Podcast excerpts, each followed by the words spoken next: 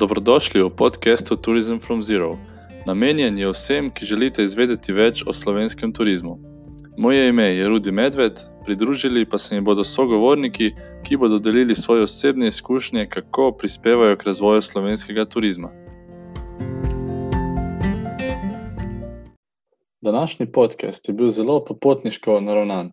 Pridružil se mi je namreč Igor Jurišič, predsednik Popotniškega združenja Slovenije, ki že več kot desetletje deluje na razvoju turizma v Štajerski regiji, Sloveniji in v Evropi. Diplomiral je na Mariborski ekonomsko-poslovni fakulteti smer turizem. Sicer je pa Igor izjemen popotnik, ki je obiskal že več kot 80 držav po celem svetu. Z nami je delil ogromno zanimivih izkušenj iz svojih potovanj. Med drugim je povedal zgodbo o tem, kako je za eno mizo združil predstavnika Severne in Južne Koreje, ter v obeh državah posadil Mariborsko trto. Govorila sva tudi o razvoju turistične ponudbe v občini Maribor in v Sloveniji, ter o pomembnosti povezovanja med ljudmi za doseganje višjih ciljev. Pa začnimo. Želim vam prijetno poslušanje podcasta.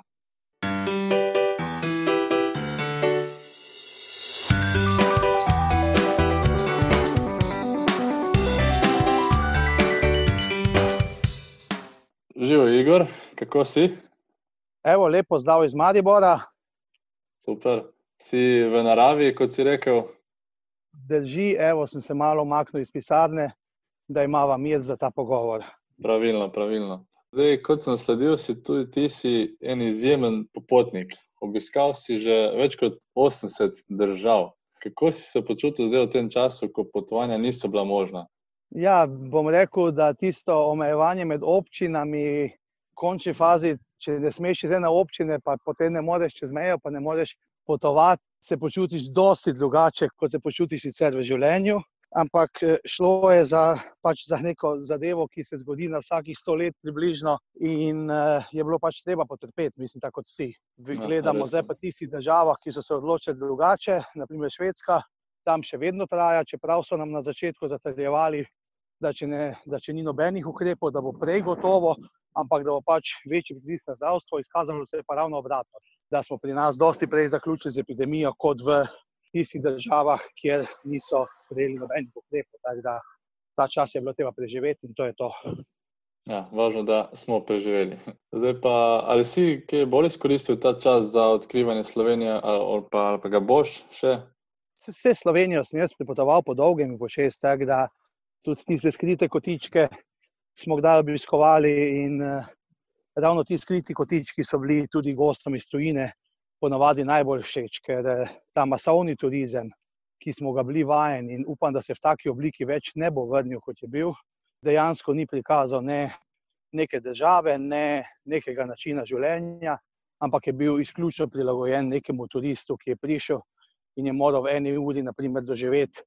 Slovensko folkloro, slovensko prehrano, slovensko glasbo, pa še kako panjsko kočnico si v tem času ogledal. Torej, to je bilo vse skupaj neki instant turizem in upam, da bo zdaj, ko se bo na novo zgradila zgodba slovenskega turizma, da bo ta turizem razpršen po celi Sloveniji in da ko bomo imeli zopet takšno število ali pa celo večje število obiskovalcev, da se ne bo koncentriralo zgolj na nekaj mest. To mislim, da res vsi upamo, da se bo to bolj razpršilo, da se tudi razbremeni tiste destinacije, ki so bile značilne kot eh, neke masovne. Da je bil masovni turizem v bistvu glavna značilnost. Ne. Ko tukaj imamo, mislim, da imajo te kraje iz vzhodne Slovenije velik potencial. Jaz mislim, da je tukaj daleč največji potencial. Če gledamo pohode, je sicer že nekaj malega izkoriščeno, eh, je pa tu en kup drugih ribov v okolici, prek morja, kolesarjenje, vsi možni športi od zunaj, kulinarika, skratka, ogromno stvari, ki jih je možno doživeti na tisti še vedno pristen način. Se strinjam, je še ogromno tega. Kam pa ponovadi peljete turista v bližini občine Maribor? Zdaj, jaz se, kot rečeno, izogibam tistih, eh, da rečemo, klasičnih točk. Zagotovo v Mariboru pogledaš tiste glavne značilnosti in naša najstarejša trta je zagotovo tisto, kar se kar je treba obiskati. Ampak potem, ko naredimo kakšen dnevni izlet, gremo pa tu, naprimer, do razkrižja, ljutomera, sledišča ob Dravi. Tam ljudje vidijo, kako se proizvaja, naprimer, bučno olje in tudi poskusijo in olje in pecivo in še kakšne druge namaze, ki so narejene iz bučnic ali iz bučnih semen ali iz eh, bučnega olja. Potem se ustavimo v stari kovači v razkrižju, ki je še edina delujoča v tem delu Slovenije, in tam lahko tudi naši gostje sami poskušajo skovati kak žebelj in tako naprej. Potem se mogoče pri kakšnem čebelarju ustavimo ali pa tudi ne, nadaljujemo pot na otok Ljubezni, potem gremo v Filovce, pogledati lončarstvo in uh, na koncu zaključimo na kakšni turistični kmetiji, tukaj malo pred Mariborom ali pa v Mariboru. Je kar precej zavideti, res? Ogromno je zavideti, dejansko celo pot spremljajo lokalno kulinariko, spremljajo lokalne običaje, neko nepisano, nesnovno kulturno dediščino. Tako da na enem takem izletu dejansko doživiš ta del Slovenije v, v tem času. Kje pa vidite še potencial v tem območju pri razvoju turizma? Potencijala je ogromno. Predvsem vidim potencijal v povezovanju. Pomeni eh, lokalni oziroma ptici oziroma tile zavodi za turizem. Njihovo nalogo vidim jaz predvsem v tem, da na nekem območju najde več tistih sestavin in potem naredi iz tega ven en produkt, torej iz tistega, kar že obstaja, ne pa ustvarjati nekaj novega. Mhm. In to je, po mojem, bom rekel, naša največja napaka, da mi vedno, ko delamo nov turistični produkt, začnemo z nule, čeprav obstajajo lončari, obstajajo svečari, obstajajo vem, ljudje, ki se ukvarjajo z končni fazi ogledi, ljudje, ki imajo ribogojnice, ljudje, ki imajo svoje lastne nasade jagod. In mislim, da bi bilo treba predvsem te, ki že obstajajo, povezati v neko celoto. In eh, tudi, če se ti ljudje prvenstveno ukvarjajo vem, s kmetijstvom ali pa z ribištvom, s čimerkoli, bomo pač pomagali z strokovnjaki z področja turizma, ki bodo to njihovo dejavnost predstavili drugim. Torej, tudi, če naprimer tale na kmetiji ne zna besedi se angliško, bo pa že nek vodnik iz Maribora zadevo predstavil. Ampak pristno doživetje lahko samo tam, kjer nekoga opazuješ pri tem, kaj dejansko počne, ne pa da to počne zaradi tebe in za turista. Se strinjam, ja, res povezovanje je tudi ena tema, ki v bistvu se pojavlja skozi in skozi. Vedno se govori samo o povezovanju, ampak nekako ne pride do tega. Zdaj, zakaj mislite, da je to? Sploh eh, pri kakih, ko so vem, manjša mesta povezana skupaj, pri Maribor, Pohorje, vse tiste občine manjše, bi se lahko bolj povezali, ampak zakaj ne pride do tega? je, mislim, če bi imeli odgovor na to vprašanje, bi hm. tudi do tega prišlo. Ja. Ampak eh, zdi se mi enostavno, da mogoče na eni strani tile, ki so komercialni ponudniki, mhm. da olajšajo delo tem javnim zavodom, da jim na krožniku prinesejo neke rešitve, ki so sicer instant rešitve, ampak še vedno dovolj dobre, da ne rabijo iskati tistih pristnih, ki bi jih ponudili turistom. Na drugi strani pa moram povedati, da je tudi slovenska zakonodaja takšna, da verjetno potem od teh ljudi zahteva določene dodatne pogoje, ki jih pa seveda ne izpolnjujejo. Sicer zakaj bi nekdo, ki se ukvarja z ribogojništvom, izpolnjeval neke pogoje, ki jih določa zakon o spodbujanju razvoja turizma. Ampak mislim, da bi te zadeve bilo potrebno poenostaviti. In jaz upam, da bo ravno zdaj, po tej bomo rekli, kratki, ampak bomo rekli, dokaj ostri krizi, da bomo začeli bolj uporabljati, da rečem po domače, zdravo kmečko pamet in da bomo predpise, ki veljajo, prilagajali temu, kaj ljudje dejansko počnejo, ne pa da bomo še naprej ustvarjali nečloveške predpise, ki se bomo potem morali ljudje prilagajati. Govorim na splošno in na vseh področjih, torej ne izključno na turizmu, mhm. ker v zadnjem času opažamo, da govorim v obdobju zadnjih 10-20 let, da eh, so marsikateri predpisi nečloveški, da so jih pripravljali ljudje, ki nimajo pojma o praksi, ki niso v življenju videli, kako se neka, neki stvari streže in so zgolj povzeli nekaj iz tujine ali pa neke smernice prelevili v nek predpis, ki potem dela preglavice tistemu, ki se ga mora držati. Trebno je sigurno iti eh, nazaj k lokalnemu ponudniku, lokalnim Tako, ljudem in pol z njimi skupaj. Treba iti iz obratne smeri in uh, to, kar Slovenija ne razume, pa se to ne nanaša na nobeno vlado posebej, ampak uh mhm. -huh. na dejansko na zadnjih 20 let, je to, da predpisi morajo biti takšni, da so primerni za vse, ne pa, da so enaki za vse. ne more enak predpis veljati za ljubljanske mlekarne in za enega majhnega kmeta na Bohinju, ki proizvaja sir. Se strinjam. Isto ne morejo za, ne vem, za lek ali pa za krko veljati isti predpisi, kot za enega zeliščarja, ki se ukvarja z, vem, kamilčnim čajem in, in to nabira. Torej, tu je treba predpise spremeniti, ker to, da je, na, da je kao zakon veljak za vse, v tem primeru ni v korist tistih, ki bi želeli neko diverzifikacijo, ampak podpira ta velike, malim pa onemogoča možnost za delo. Definitivno je treba malo več prilagajanja. Zdaj pa Drži. sem slišal eno zanimivo zgodbo o vas in da ste dobro v povezovanju ljudi. Pa mi povejte, če je to res. Da ste za eno mizo združili predstavnika Severne in Južne Koreje. To se Ja, mi je zdelo zelo zanimivo, ko sem prebral. Pa če mi lahko malo več o tem povete. Ja, mi smo leta 2012 ustanovili Združenje slovensko-korejskega prijateljstva. Dejansko je bilo naše vodilo, da poskušamo, koliko pač lahko iz ene male Slovenije, pomagamo pri končanju Korejske vojne. Leta 1953 vemo, da je bilo podpisano premirje, vojna pa še uradno ni bila zaključena, torej zgolj premirje velja, ne pa tudi konec vojne. In potem smo se odpravili in v Severno, in v Južno Korejo, ker sem bil sicer že prej, pa tudi nekajkrat po tistem. In smo iskali, kaj bi lahko bila tista stična točka, kjer na nobeni strani ne morejo reči ne, ki je tol- dovolj pozitivna, da jo sprejmejo na eni strani, čeprav vejo, da je na drugi in obratno. In zopet smo prišli nazaj do Maribora, do naše najstarejše trte na svetu. In leta 2012 smo naredili prvi korak k temu, da bi ta stara trta bila povezovalni člen med Severno in Južno Korejo. Vse skupaj je trajalo več kot pet let, ampak ne na zadnje, danes, že več kot dve leti, je od takrat, ko se je poneslo, oziroma točno dve leti bo poleti, ko se je odneslo, pardon, tri leta se opravičujem, leta 2017 sem odnesel tako v Seul kot v Pjongjang našo potomko, ki zdaj sedaj v obeh državah raste.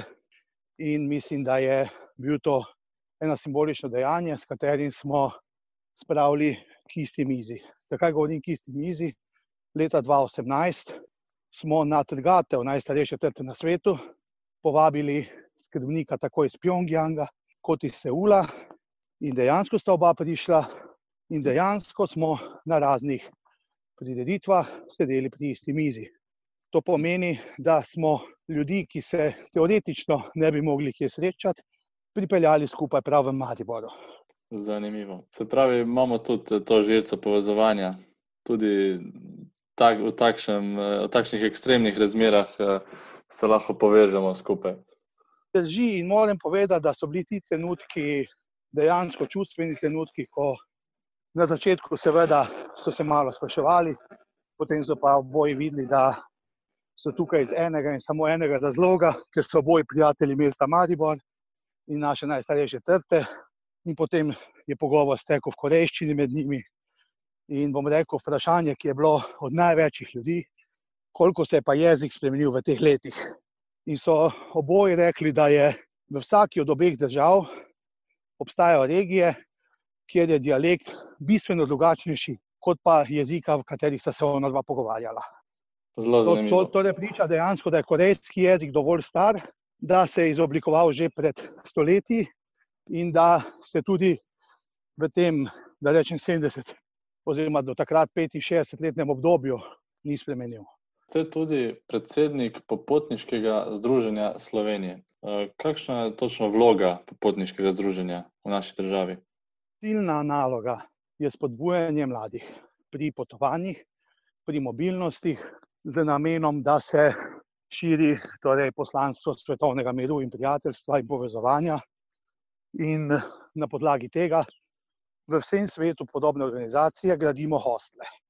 V Sloveniji imamo 33 hostlov, ki delujejo v naši mreži, in dejansko youth hostli so namenjeni, da lahko mladi, tudi tisti z manj priložnostmi, doživijo svet, doživijo svoje vrstnike iz drugih kultur in na ta način potem tudi presežejo te stereotipe.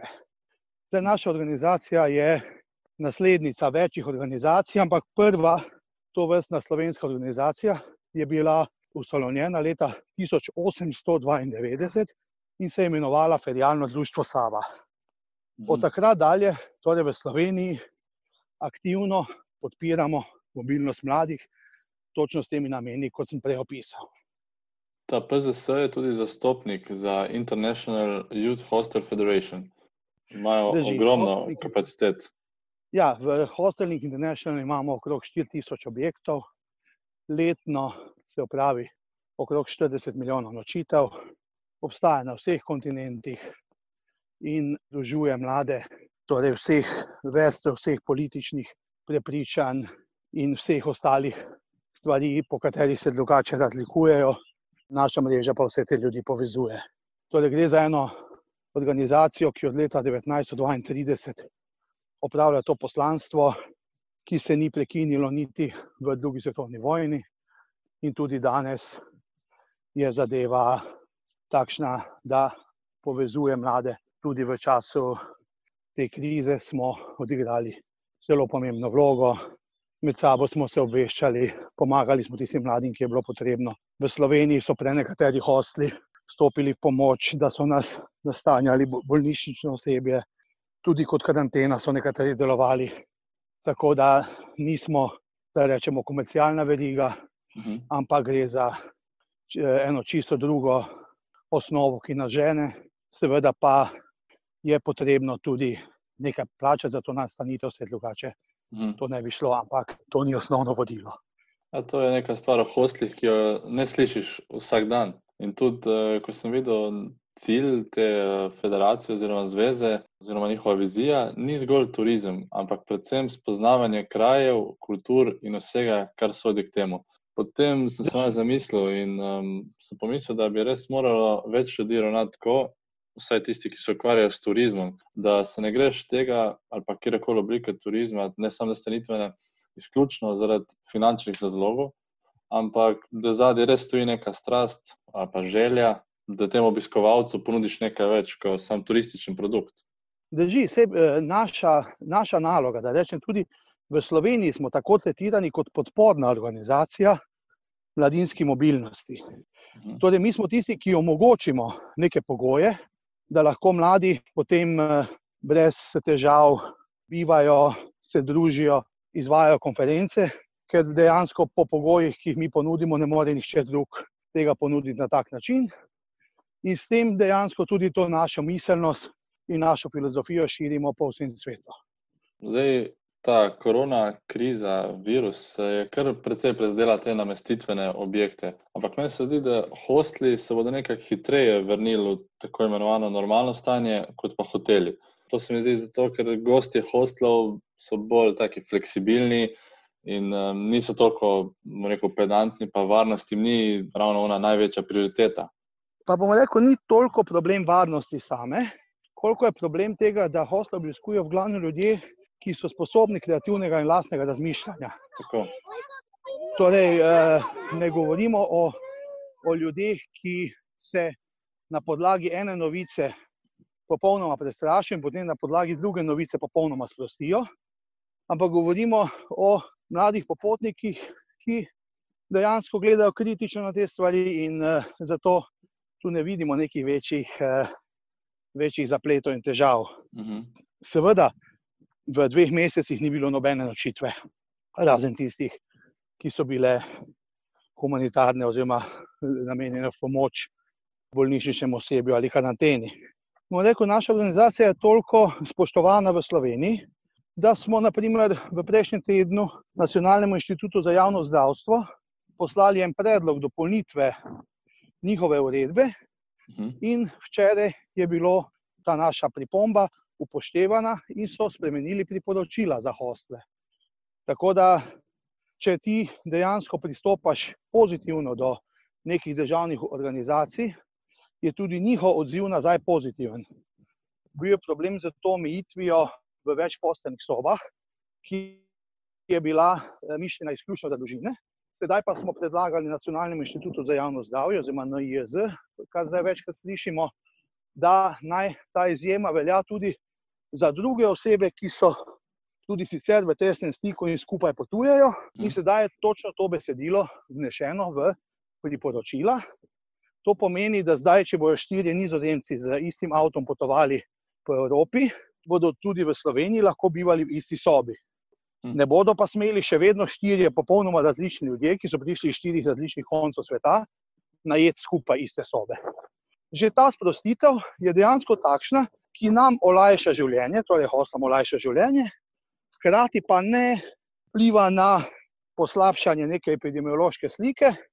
Saj, če so ljudje skupaj v avtu, ali pa naprimer učenci skupaj v razredu, ali pa športniki skupaj na pripravah in vse dan trenirajo skupaj, potem tudi, če spijo ali ne ločeno, če je kdo od njih slučajno okužen, se bo ta virus prenesel tudi druge. Zato nima smisla, da bi pa v namestitvah zadevo zategovali. Tako da moram priznati, da naše sodelovanje z državo, kakorkoli sem prej omenjal, so predpisi togi, imamo pa zdaj že 20 let, bom rekel, nekega uspešnega sodelovanja, ki sicer terja nek svoj čas. Zagotovo se moramo tudi mi dokazati, da smo sposoben partner in resen partner, ampak te stvari so iz leta v leto seveda lažje, zaradi tega je tudi naše delo iz leta v leto bolj konkretno, bolj se dopolnjujemo in tudi pomagamo. Tako da to, da smo uspeli prepričati nek, nek strokovni organ, kot je Nacionalni inštitut za javno zdravje, uhum. to se jaz štejem veliko čas in ponos, pod A, da smo mi sami bili toliko odgovorni, da smo znali oblikovati predlog tako, da ni imel neke varnostnega tveganja za morebitno ponovitev epidemije, hkrati pa, ker je bil tako pripravljen, tudi na NIJZ-ju ni bilo težav, da so ga sprejeli. Zelo smiselno, tako, ne, če gledamo. Mislim, da mora, ja, moraš imeti eno pogled v to. Prav vi ste verjetno strokovnjaki v tem, tako da je prav, da tudi vi podate svoje predloge, da, potem lahko, da jih potem lahko oni sprejmejo. Mi moramo pač vedeti, zdaj, ko je ogromno tega pluvanja po nekih ukrepih, po tak naprej. Mislim, da na IEZ tam ljudje ne morejo poznati vsake dejavnosti do potankosti. Uh -huh. Oni niso seznanjeni s tem, kako delujejo hostli, niso seznanjeni, kako delujejo čevljadi, verjetno tudi ne poznajo, kako delajo v rudnikih in tako naprej. Zato je na nas, da jim nek primer predstavimo na tak način, da se oni čim lažje odločijo, ali to njihova stroka dopušča in ali ne. In mislim, da če bi imeli vsi tak pristop, bi bilo na koncu dosti boljše. Mislim, da z nekim jamranjem, z nekim javnim pluvanjem po vsem, po preh, karkoli se je nadilo v Sloveniji, od osamosvojitve pa, pa še, še prej, mislim, da ne bo prinesel nikdar nobenega rezultata, ampak zgolj samo slabo voljo. Če pa prideš eh, s predlogom, ki ima rep in glavo, pa obstaja zelo velika verjetnost, kot je, bil, kot je bilo zdaj naprimer, v tem primeru, da bo tako ali drugače upoštevan. Če se malo dotaknem uh, backpackerjev. Backpacking kot kultura se mi zdi v Evropi nekako čisto drugačna kot v Aziji. Ker sem bil pač backpacker in v Evropi, in v Aziji, na Tajskem. In mislim, da je v Aziji tako več svobode pri potovanju, nekako bolj um, pestro, spontano. A se strinjate? Tudi sam način uh, javnega prevoza je v Evropi drugače koncipiran, uh mhm. -huh. kot je v Aziji. V Aziji, naprimer, ko greš, pa ne, ne samo v Tajskem, ampak tudi ko greš po drugih državah, že v Turčiji se naprimer, začne, tam so glavni, da rečemo, glavna prevozna sredstva so tisti maxi kombi, ki jih pri nas v Evropi skoraj ne poznamo. Mhm. In, tega, in tole šiba med vsemi kraji, non-stop, od javnih do poljavnih, do zasebnih, in že ta oblika prevoza daje eno večjo mero fleksibilnosti. V Evropi pač imamo drugače urejene stvari, torej imamo vlake, ki vozijo po voznem redu, avtobuse, ki vozijo po voznem redu, in tako naprej. Včasih, te pa govorimo 30 let nazaj, naprimer, je bilo tudi po Evropi nekoliko drugače in tudi v Evropi je bil avtoštop ena zelo popularna oblika, mhm. ki je, bom rekel, danes popolnoma izumrla. Zadeva se je preselila na splet. Obstajajo portali kot je BlaBlaCar. Ali pa v Sloveniji prevozi, ki na ta način ljudi izložujejo, kot nadomestilo za tisti avtoštop, samo tisti klasični avtoštop je imel nek svoj čar ko si ti, ti si svoj palec dvignil, pa nisi vedel, ali boš prišel tisti dan do morja, ali se boš pa moral čez dve uri obrniti, pa iti kopati na Mariborski otok. imelo je nekaj več v sebi. Zdaj je nekako bolj Razlog organizirano. Ja, mislim, sej, sej prav, da so neke zadeve, ki so povezane s službo, z delom in tako naprej, da so Mhm. organizirane, da delovni procesi tečejo. Samo jaz mislim pa, da v prostem času dosti več doživiš, če zadeva ni organizirana. Ker se Definitivno. ogromno naučiš, ogromno ljudi spoznaš, seveda, kdaj pa kdaj je tudi kakšna neprijetna izkušnja, ampak to je Mhm. del življenja. Mislim, eh, to je šola, tukaj se učimo in, in mislim, da je preveč nekega uniformiranja, da je to izjemno škodljivo tudi za razvoj mladine, ker bodo eno- enostavno sami začeli preveč ukalupljeno razmišljati. In, ne bodo, s- eh, in počasi ne bo več nihče sposoben kreativnega razmišljanja, iskanja lastnih rešitev. Dam samo en primer. Naprimer, v mojih časih, govorimo o 80-ih letih, ko smo se začeli voziti z mopedi, pri 14, ko si naredil izpit, je pri 14-15 letih vsak fant znal narediti generalko dobesedno na APN4 ali pa na avtomatiku. Danes marsikateri 15-letnik ne zna več niti svečke zamenjati na motorju na, oziroma na mopedu. Tako da neka kreativnost se izgublja z leti in mislim, da, eh, in mislim, da ravno tole, ta način organizacije, ki ga imamo, ki je po eni strani dober v nekih rednih in tekočih razmerah, odpove takrat, ko se mi želimo sprostiti v prostem času in tako naprej, ker če imamo mi urnik, kdaj bomo kaj počeli, to naenkrat ni več prosti čas. Če jaz točno vem, da mora biti 17 pa 18 na železniški postaji, da, mi, eh, da imam večerjo ob 19.30 rezervirano, da imam tisto ob 22.30 in tako naprej, potem je moja sprostitev omejena na termine, ki so vnaprej določeni, ne pa da, da bi lahko ne vem, neko stvar potegnil, če je fajn, ali pa po pol ure šel, če dobro, to še vedno lahko. Res je nekako, te ne pusti več, da greš iste poti, ne, ki greš po njej. Tako meni se zdi, da mi je res veliko dalo to potovanje na Tajsko, ki sem šel sam, ker res tudi tiste stvari, ki so bile recimo bolj, ajde, v tistem momentu negativne, so se bolj izkazale kot neverjetno pozitivne in tudi neverjetne zgodbe ratejo iz tega.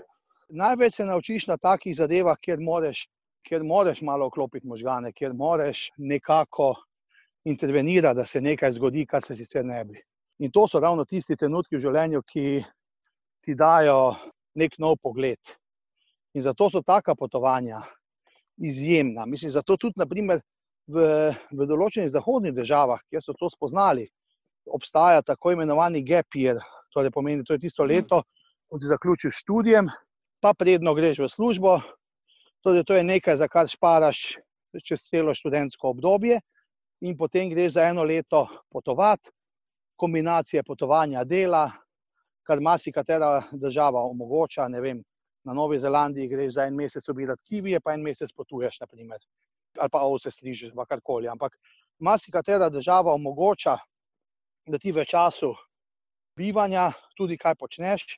In jaz mislim, da je to taka življenjska izkušnja, ki bi jo morali tudi v Sloveniji nekako spraviti v prakso.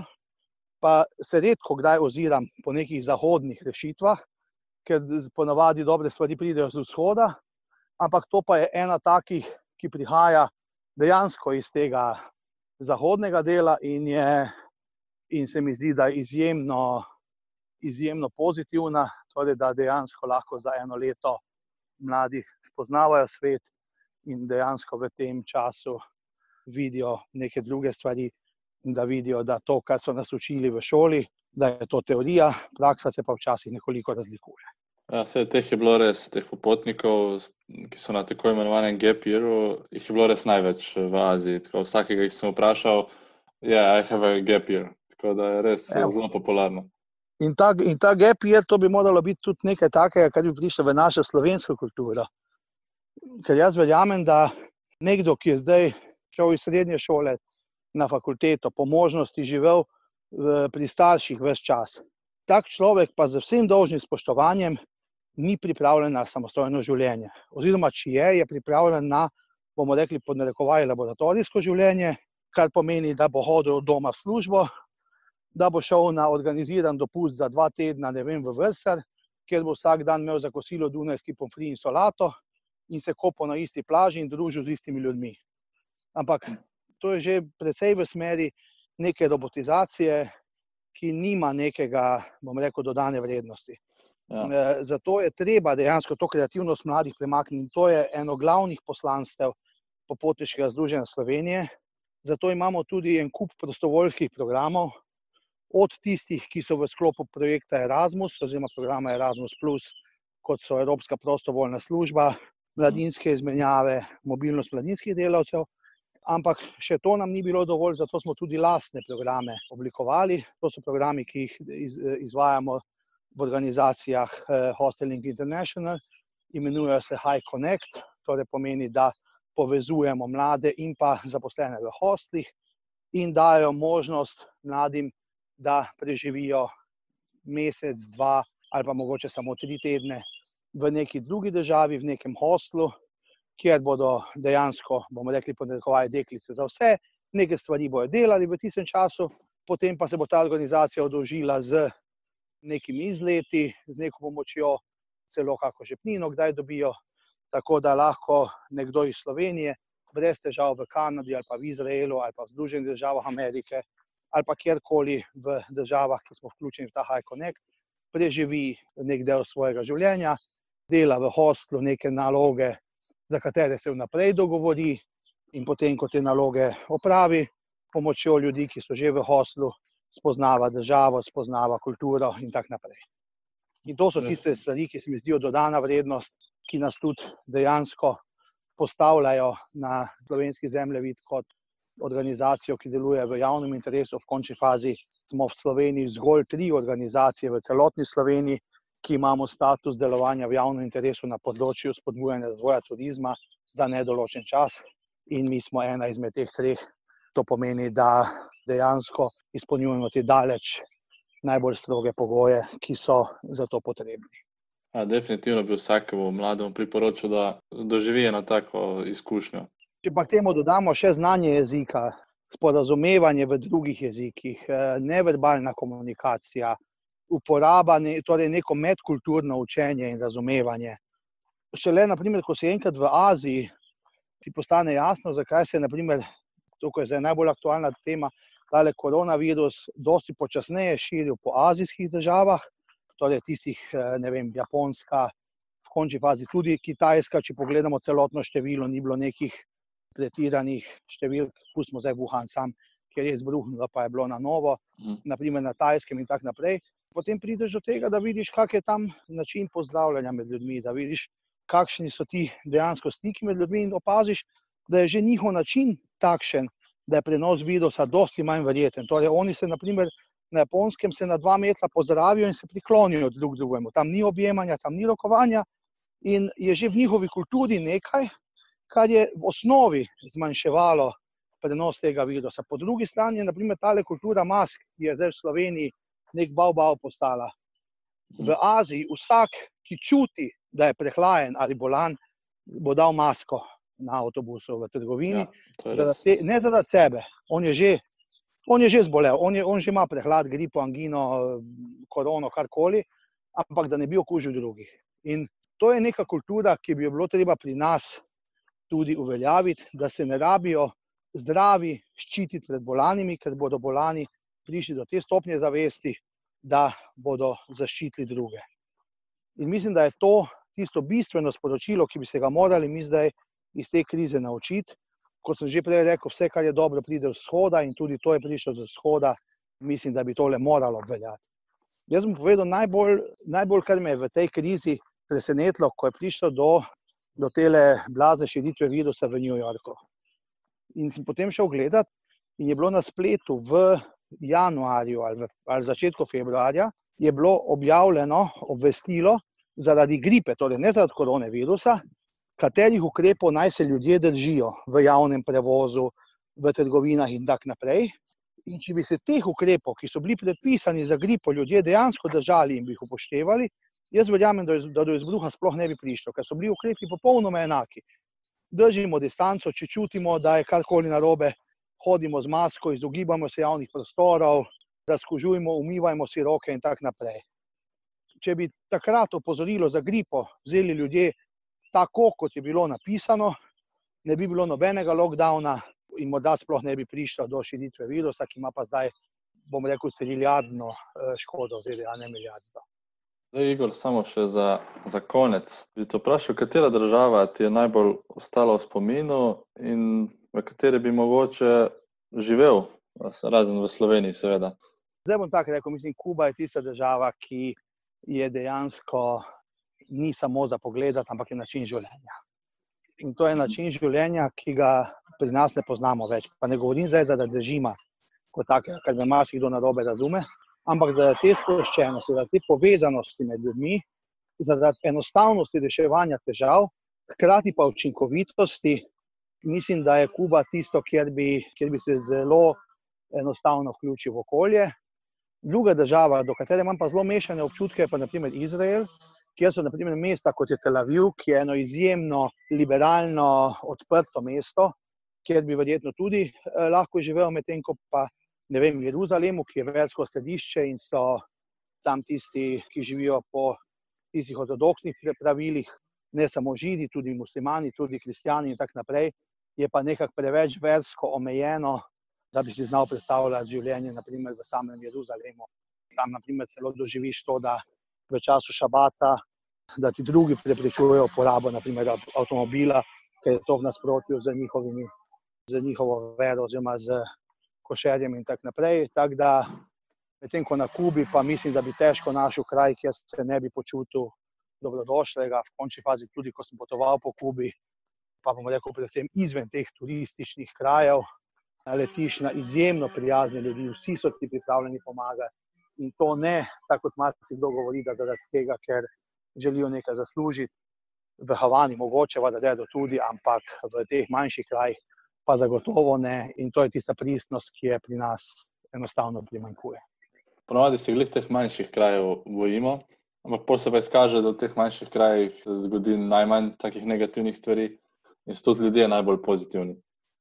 Mislim, v teh malih krajih, pa v takih, ne vem, tudi v drugih državah, naprimer, ki so bistveno bolj odprte. Zdaj govorimo, da bom dal primer, naprimer iz Kirgizije. V Kirgiziji sem se z javnim prevozom pač peljal na neko izhodiščno točko za spoznavanje hribov, za spoznavanje njihovih vrhov. In sem se na avtobusu srečal z neko družino, ki je šla praznovati 50. rojstni dan. Mi smo se v teh dveh urah, koliko smo bili skupaj na avtobusu, smo zvedeli vse o drug drugem, vse smo se pomenili. Troku malemu sem dal fotoaparat, da je bil moj fotoreporter, pa slikal.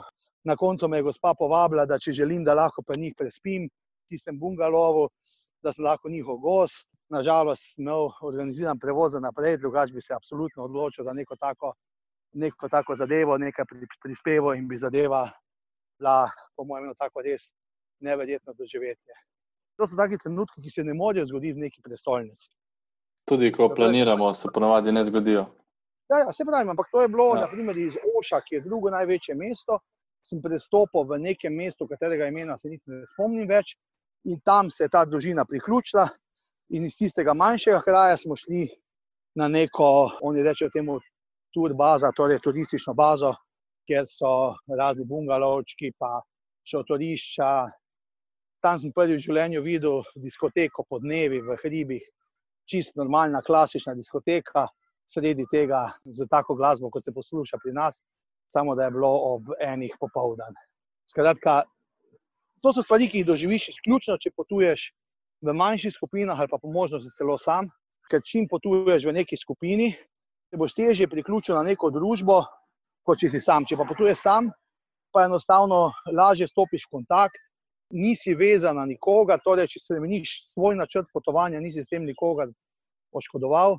Tako da tudi solo potovanja so, so nekaj res izjemnega in jih priporočam vsakemu, ki se počuti dovolj samozavestnega, da se bo znašel nekje, da mogoče res odline na pot sam, pa bo s tem doživel daleč največ. Ja, tudi jaz bi res priporočil solo potovanje vsakemu. Igor, res neverjetne izkušnje, neverjetne zgodbe. A mogoče razmišljaš o pisanju knjige, ker mislim, da imaš toliko informacij, toliko različnih znanj, da bi bilo za eno knjigo. V bistvu ne. No. V bistvu, ne. Kdaj kak potopis objavim v mm. spletnem časopisu Globetrotter, to sem že večkrat naredil, tako da, pa, da bi pa zdaj šel kako knjigo pisati. Vse po mojem, če bi te potopise, ki sem jih objavljal, če bi zbrali, bi že lahko naredili iz tega nekaj zanimivega. Pa če se boš ti tega lotil, imaš vso mojo podporo, ampak zaenkrat, zaenkrat še zbiram doživetja, pa jih sproti prelivam v, na papir, oziroma na splet. Knjigo ponavadi začneš pisati takrat, ko, ko se predajaš spominom, ne pa ko, eh, ne pa, ko spomine nabiraš. Da, mhm. ko še doživljaš. Še nisem prišel. Ne. Dobro, jaz eh, ti želim še več takih doživeti. Kje lahko mogoče mladi zvejo več o tem, kar so govorili, o aktivnostih popotniškega združenja, če mogoče koga zanima? Te stvari so na spletni strani popotniškega združenja Slovenije, to je trikrat dvojni ve, jut-hostel.si, pa tudi, če piše popotniško združenje Slovenije v Google ali pa Youth Hostel Slovenije ali pa nekaj takega, nas bo zagotovo našel na prvi strani. Potem znotraj združenja imamo spletni časopis, ki izhaja praviloma mesečno. V njemu so razne zgodbe od potopisov do otvoritev novih oslov, do nekih popotniških namigov, do načina, kako priti do svojega denarja, če te je letalska družba sila na cedilu in tako naprej. Skratka, en kup potovalnih na svetu lahko najdete, spletišče je izjemno pregledno, tako da ne vidim nobenih težav, da ne bi uspeli te zadeve spoznati, če bi si to želeli. Odlično. Igor, res kot rečeno, želim ti še veliko norih, zanimivih zgodb. In uh, hvala za danes, da si si vzel čas za tale intervju. Hvala tebi, da boš to delil med mlade in upam, da bodo se mladi nekako odločili za potovanja, mogoče celo solo potovanja, daljša potovanja. In nekako, če bojo z nami potovali preko kakih programov, kot je High Connect, potovanja potem več niso povezana s finančnim zalogajem, saj lahko tiste stvari, ki bi jih drugače moral, ne vem, zelo eh, drago plačati svojim delom, nekako služiš tisto delo, ki ga pa upravljaš, je pa zopet predstavlja dodatna znanja, s katerimi potem v življenju dosti lažje preživiš določene situacije. Najlepša hvala, Igor, in um, lep dan ti želim še naprej. Enako in če bo treba, kdajkoli smo tukaj za vas. Super, najlepša hvala. Adijo, ja. Igor. Ajde, uživaj, adijo. Enako, adijo.